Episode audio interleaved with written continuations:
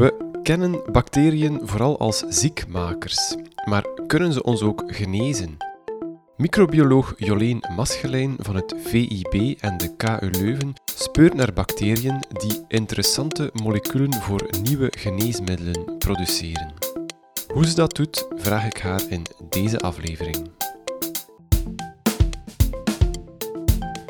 Deze aflevering is mogelijk gemaakt dankzij de steun van het Vlaams Instituut voor Biotechnologie, het VIB. Het VIB is een onafhankelijk onderzoeksinstituut waar topwetenschappers uit binnen- en buitenland baanbrekend onderzoek verrichten. VIB vertaalt dit onderzoek ook naar impactvolle innovaties en concrete toepassingen voor patiënten en de maatschappij. Dag Jolien. Dag Kim. Ik zei het al in de intro, bacteriën kunnen ons ook genezen. Hoe kunnen bacteriën ons genezen? Dat klopt, ja. Veel bacteriën hebben eigenlijk, um, produceren eigenlijk heel wat geneesmiddelen. Heel um, interessante moleculen die bijvoorbeeld antibacteriële of antifungale of um, antikankeractiviteit hebben.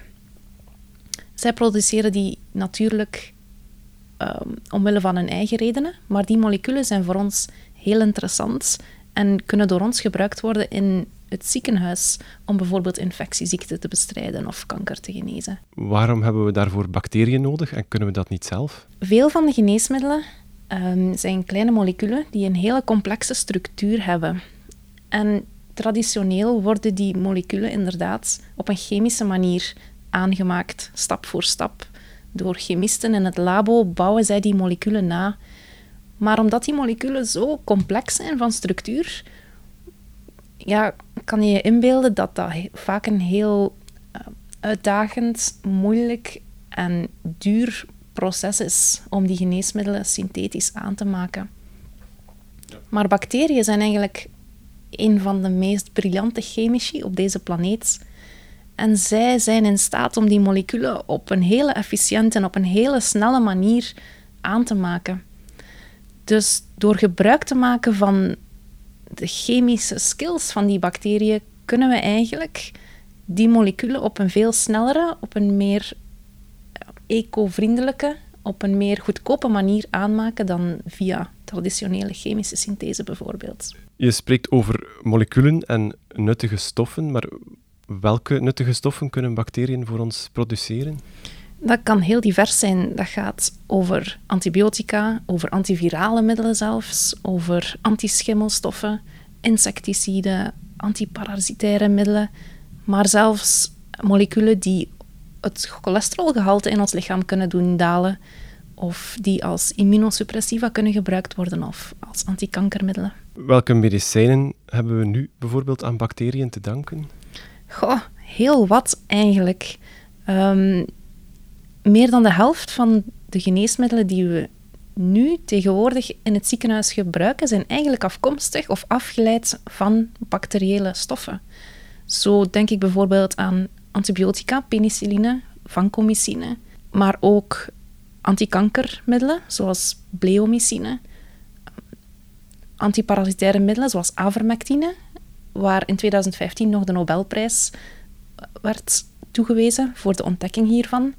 Maar ook avermectine. Uh, avermectine was natuurlijk antiparasitair middelen, maar ook amfotericine, een antifungaal middel, of rapamycine, een klinisch goedgekeurd immunosuppressant.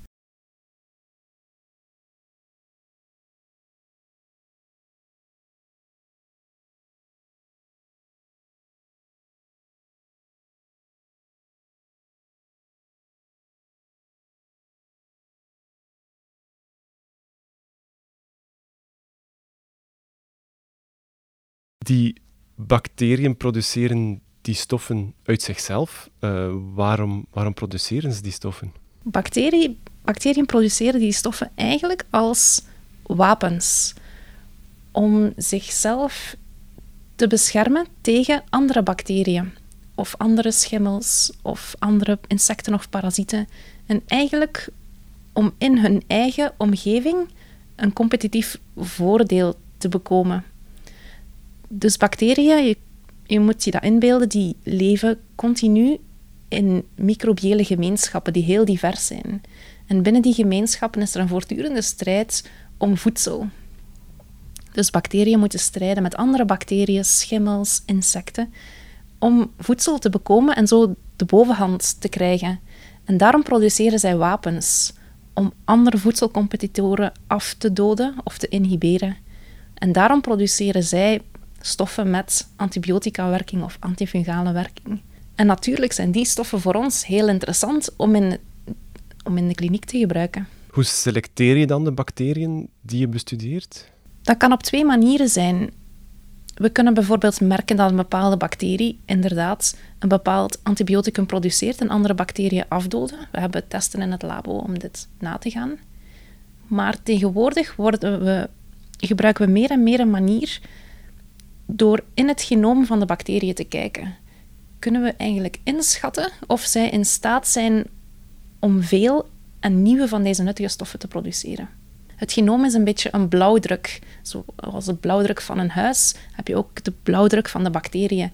En door die te bestuderen, dat genoom te bestuderen, kan je al inschatten en voorspellen welke soort moleculen ze gaan aanmaken. En of die mogelijk nuttig of interessant zouden kunnen zijn voor ons. En dan bestudeer je het genoom van een hele reeks bacteriën of, of wordt er al een preselectie gemaakt van die bacteriën zijn mogelijk interessant? Dat klopt, omdat de laatste jaren is het heel goedkoop geworden om de genomen van bacteriën te sequencen. Dus momenteel hebben we een enorm grote verzameling van bacteriële genoomsequenties.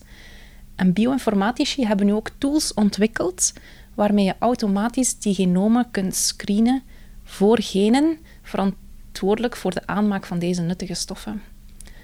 Dus door deze tools los te laten op die bacteriële genomen, kunnen we op een heel snelle en efficiënte manier die genomen eruit halen die heel interessant zijn en mogelijk ons nieuwe stoffen kunnen opleveren. Ik vraag me ook af, als je zegt een stuk van het genoom dat interessant kan zijn, hoe zie je dat dat stuk genoom interessant is? Wel, de genen die verantwoordelijk zijn voor de aanmaak van deze antibiotica en antikankermiddelen, die liggen vaak samen in het genoom in genclusters. En die eigenschap maakt het gemakkelijk voor bioinformatici om die genclusters te detecteren en te, te, identificeren in een genoom. Die bacteriën dan, uh, je screent die op nuttige eigenschappen, maar waar komen die bacteriën dan vandaan? Worden die gekweekt? Worden die ergens gevangen? Voor een heel lange tijd werden die bacteriën uit de grond geïsoleerd of uit de oceaan. Maar meer en meer kijken wetenschappers ook naar de bacteriën die in ons lichaam leven. Of die heel nauw samenleven met planten bijvoorbeeld. En die gastheer geassocieerde bacteriën, zoals we die noemen, zijn ook vaak een heel rijke bron van nieuwe en tot nu toe onbestudeerde moleculen. Is het dan de bedoeling ook om een soort van databank aan te leggen? Of wordt dat gedaan van, van een hele uh, reeks bacteriën met hun bijhorende toepassingen? Absoluut, ja.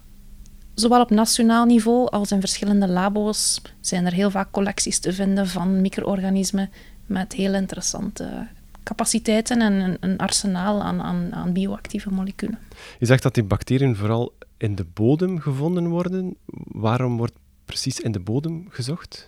Omdat de bodem een heel rijke bron gebleken is van bacteriën en andere micro-organismen die heel wat van die nuttige stoffen aanmaken. En dat komt omdat er in de bodem heel veel interacties zijn tussen bacteriën, tussen schimmels, tussen dieren, insecten, parasieten. En die nuttige stoffen, die antibiotica, die antifungale middelen, die dienen natuurlijk als wapens voor een bepaalde bacterie om de bovenhand te krijgen in, in al deze interacties. Nu, over de laatste tientallen jaren zijn er enorm veel bacteriën uit bodems geïsoleerd en geanalyseerd. Minder en minder stoffen, minder en minder nieuwe stoffen komen nu wel aan bod uit, uit bodems. Vandaar dat nu ook meer en meer gekeken wordt naar mensgeassocieerde en plantgeassocieerde en schimmelgeassocieerde bacteriën. Omdat die nog heel onontgonnen zijn eigenlijk. Daar valt nog veel te ontdekken en in het ontdekken van nieuwe bacteriën en nieuwe toepassingen dan. Ja. Langs de andere kant stelt de bodem ook nog altijd een rijke bron voor van nieuwe moleculen. Omdat veel van die moleculen enkel in de bodem worden geproduceerd. Dus als wij die bacteriën isoleren uit de bodem en opgroeien in het labo, dan zien we vaak dat ze die nuttige stoffen niet meer produceren in een labo-omgeving. Dus een andere uitdaging is voor ons om de sleutel te vinden om die nuttige stoffen te activeren, ook in een labo-omgeving waar we ze kunnen analyseren. Weet je al waaraan dat zou kunnen liggen, dat ze het in het labo plots niet meer kunnen? In het labo groeien we ze vaak op in een heel rijk groeimedium, maar in de bodem zijn ze meer gestresseerd. Dus één mogelijkheid is om die bacteriën in het labo ook in een zeer minimaal groeimedium op te groeien en ze onder stress te zetten, waardoor ze zich genoodzaakt voelen om die antibiotica en andere nuttige stoffen te produceren. Omdat ze denken van, oei, hier zijn weinig nutriënten. Dus we, proberen ze eigenlijk te laten geloven dat er weinig nutriënten zijn, waardoor ze dan de productie van die zogezegde wapens aanswitchen. Anderzijds voelen zij ook de aanwezigheid van andere competitoren. Zij kunnen de aanwezigheid voelen van schimmels, van insecten. Door bepaalde stofjes die die andere micro-organismen uitscheiden. Ik denk aan stresssignalen, aan hormonen van schimmels. Door dan specifiek die signaalmoleculen toe te voegen aan de bacteriën in het labo, kunnen we ze ook doen geloven dat er andere voedselcompetitoren in de omgeving zijn, waardoor ze dan inderdaad ook die productie gaan aanswitchen van die antibiotica. Ik las ook dat je bacteriën hebt gebruikt die uit de studentenkeuken kwamen. Klopt. Tijdens mijn doctoraat heb ik een bacterie onderzocht die geïsoleerd werd uit een lokaal studentenrestaurant hier. Daar werd een, een swap genomen van een oppervlak waar veel groenten en fruit werd versneden, om een algemeen beeld te krijgen van hoeveel micro-organismen leven er op dit oppervlak. En een van deze bacteriën bleek een breed spectrum antibioticum te produceren, waar ik mij dan op heb gefocust tijdens mijn doctoraat. Wist je dat EOS een special heeft uitgebracht over het thema van deze podcast? Meer dan 140 bladzijden inzicht in een luxueus uitgegeven themaspecial. Te bestellen op www.tijdschriftenwinkel.be.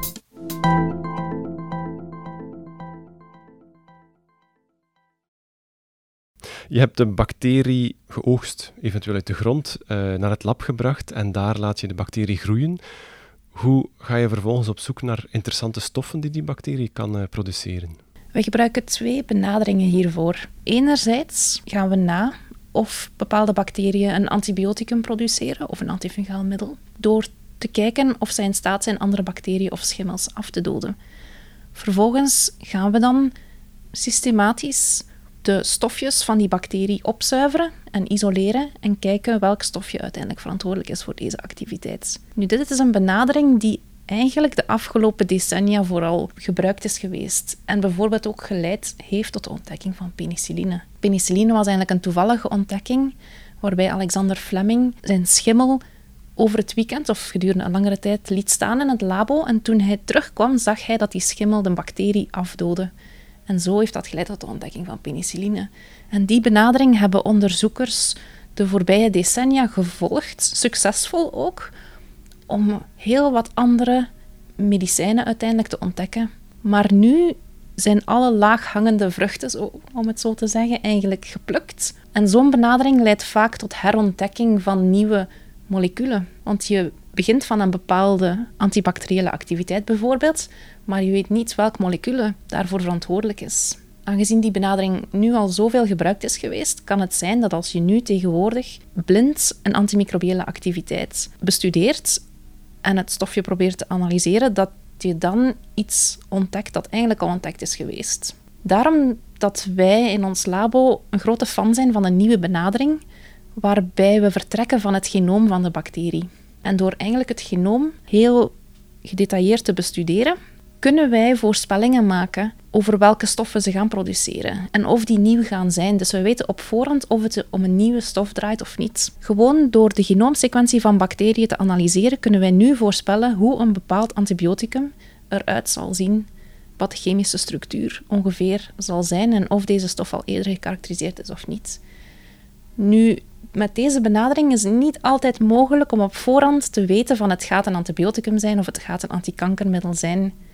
We kunnen voorspellingen doen over de structuur van deze moleculen en de nieuw, nieuwheid, maar het is niet altijd mogelijk om te voorspellen welke activiteit deze zal hebben. Zijn er dan andere onderzoekers die op dat werk verder gaan? Of, of werken jullie zelf toe naar toepassingen? Of gaat het enkel over het zoeken van eventueel interessante stoffen en gaan andere wetenschappers dan verder op die kennis? Dit is eigenlijk voor ons maar de eerste stap, het ontdekken van nieuwe interessante moleculen. In een tweede stap gaan wij na wat is de activiteit van deze moleculen? Zijn het antibiotica, zijn het antikankermiddelen? En hoe werken ze? Wat is hun werkingsmechanisme op een moleculair niveau? Daarnaast gaan wij ook onderzoeken hoe de bacteriën juist deze interessante stoffen aanmaken. Dus de verschillende stappen in de opbouw en in de aanmaak van die interessante moleculen.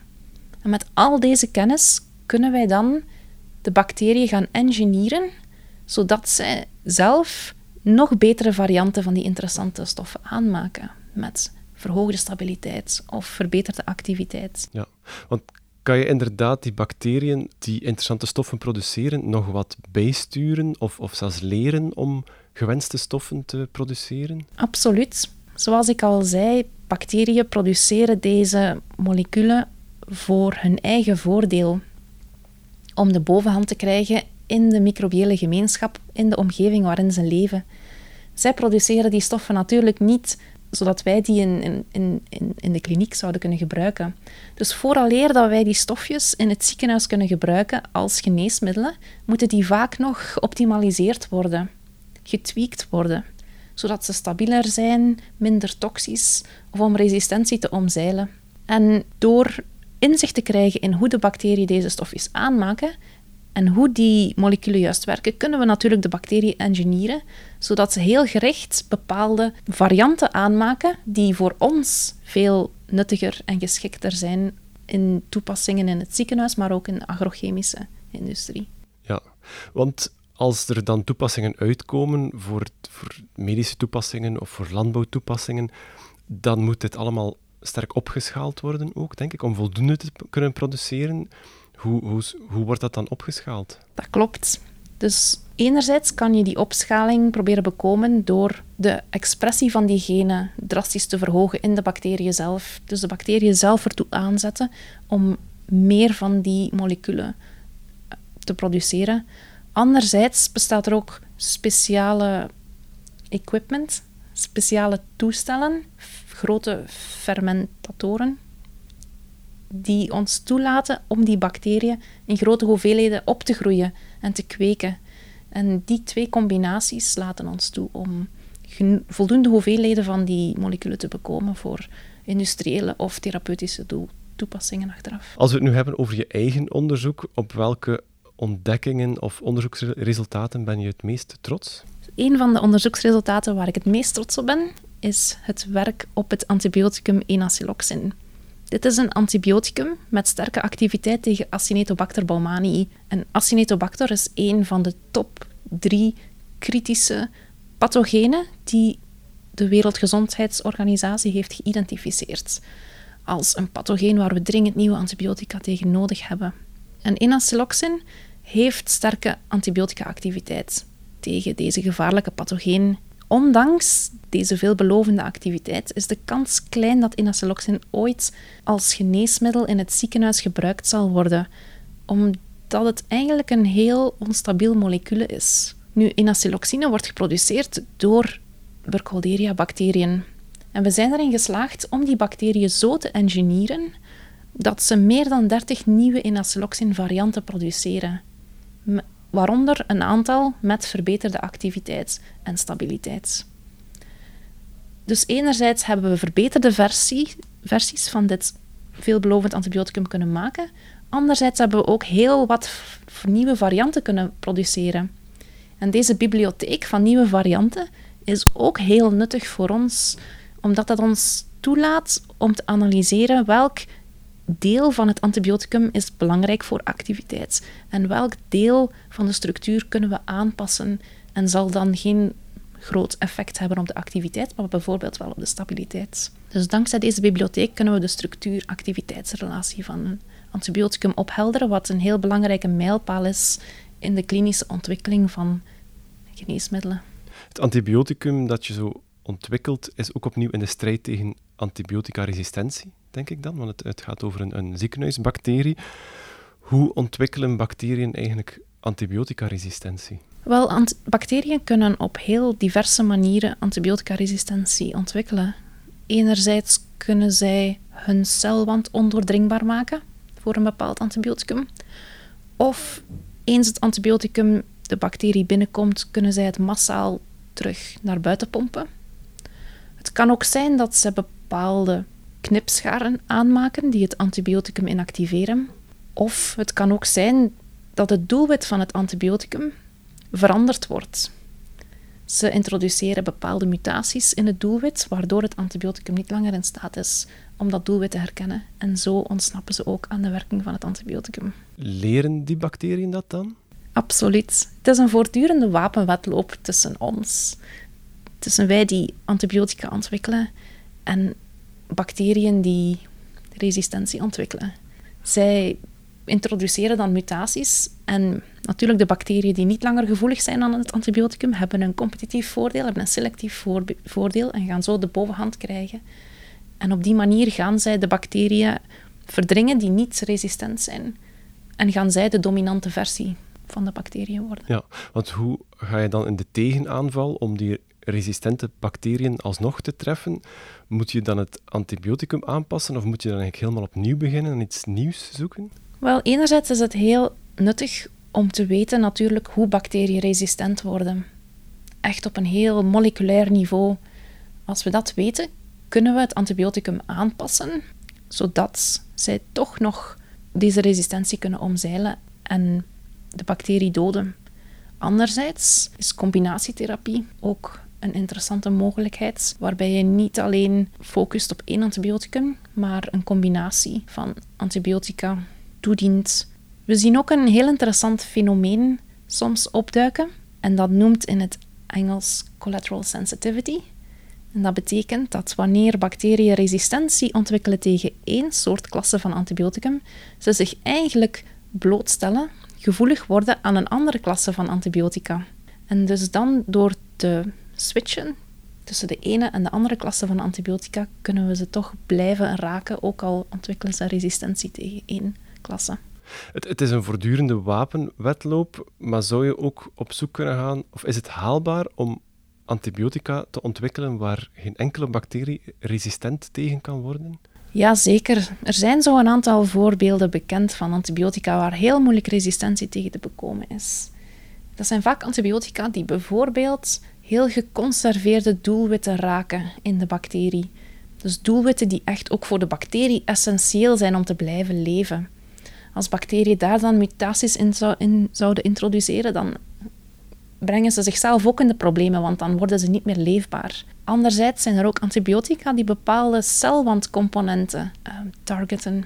Celwandcomponenten die bijvoorbeeld niet uit eiwitten bestaan en waar het moeilijker is om mutaties in te introduceren. Ook heel geconserveerde delen van de bacterie eigenlijk. Ja, dus die middelen bestaan al, of dat zijn technieken die kunnen bestaan, uh, maar er is toch nog altijd die, die vrees of, of dat probleem van antibioticaresistentie. Hoe komt het dan dat we, dat, we dat toch niet uh, klein krijgen? Ja, natuurlijk. We, er bestaan zo'n aantal middelen. Maar we springen daar nu natuurlijk heel voorzichtig mee om. En we gebruiken die antibiotica enkel in het geval als er geen enkel ander antibioticum meer gebruikt. Dus we springen daar heel voorzichtig mee om. Dit brengt natuurlijk ook uitdagingen met zich mee voor de farmaceutische industrie. Zo is er onlangs een bedrijf in Amerika geweest dat een heel interessant antibioticum heeft ontwikkeld en daarvoor goedkeuring heeft gekregen van de FDA. Maar omdat het antibioticum amper gebruikt wordt nu en enkel bewaard wordt voor de uiterst gevaarlijke gevallen, zijn zij eigenlijk failliet gegaan, omdat ze niet genoeg inkomsten konden genereren uit de verkoop van dat antibioticum. En dat is natuurlijk ook een groot probleem, want als de industrie niet meer geïnteresseerd is in de ontwikkeling van die antibiotica, dan ja, zoals u zei, het is een voortdurende wapenwetloop. En als onze wapenwetloop natuurlijk stilvalt, dan, dan komen we wel in de problemen. Hoe zie je dan het gebruik van bacteriën voor geneesmiddelenontwikkeling nog verder evolueren in de toekomst? Ik denk dat we nu echt nog maar aan het begin staan. we zijn nog, heel, nog volop inzicht aan het krijgen in hoe de bacteriën juist die interessante stofjes aanmaken. Eens we dat volledig ophelderen, gaan we nog op een nog hoger niveau die bacteriën kunnen, kunnen engineeren, zodat ze echt de geneesmiddelen voor ons aanmaken die wij willen. Anderzijds denk ik dat we meer en meer gebruik zullen maken van de goedaardige bacteriën die in ons lichaam zitten, waarmee we nu al samenleven op een hele vredevolle manier. En die bacteriën ook aanwenden voor diagnose van ziektes. Ik onthoud zeker uit dat laatste antwoord ook dat er nog uh, zeer veel uh, te onderzoeken is. Dus dan wens ik u daar heel veel succes bij. Ik wil ook jullie luisteraars uh, bedanken voor het luisteren. Vond je deze podcast interessant? Deel hem dan zeker. En kijk misschien ook eens op www.easwetenschap.eu podcast, want daar vind je nog een hele hoop andere afleveringen. Graag tot een